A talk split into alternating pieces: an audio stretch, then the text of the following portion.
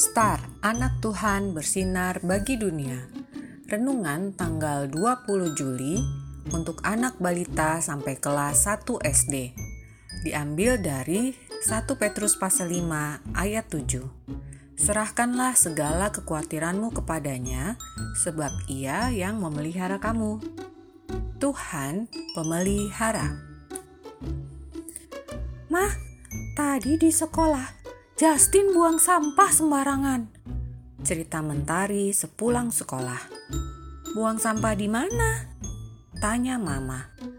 Tadi kan Justin minum susu kotak. Lalu kotaknya dibuang di lantai. Jawab Mentari.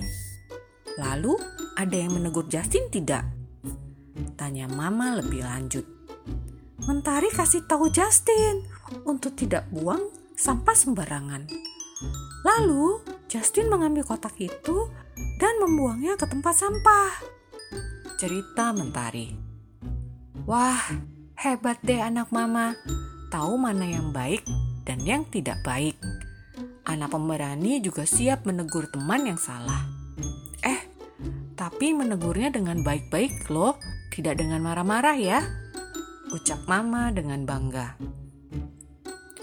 Adik-adik, Tuhan sayang kepada kita. Tuhan memberikan Roh Kudus yang akan mengingatkan kita untuk selalu melakukan perbuatan yang baik.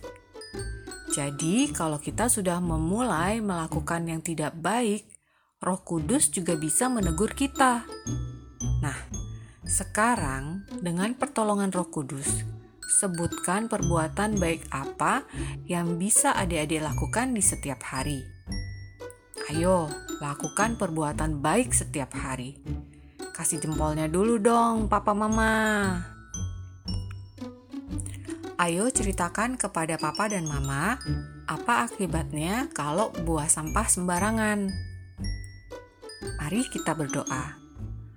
Tuhan Yesus, aku percaya Roh Kudus selalu membantuku untuk berbuat baik. Terima kasih Tuhan Yesus. Amin.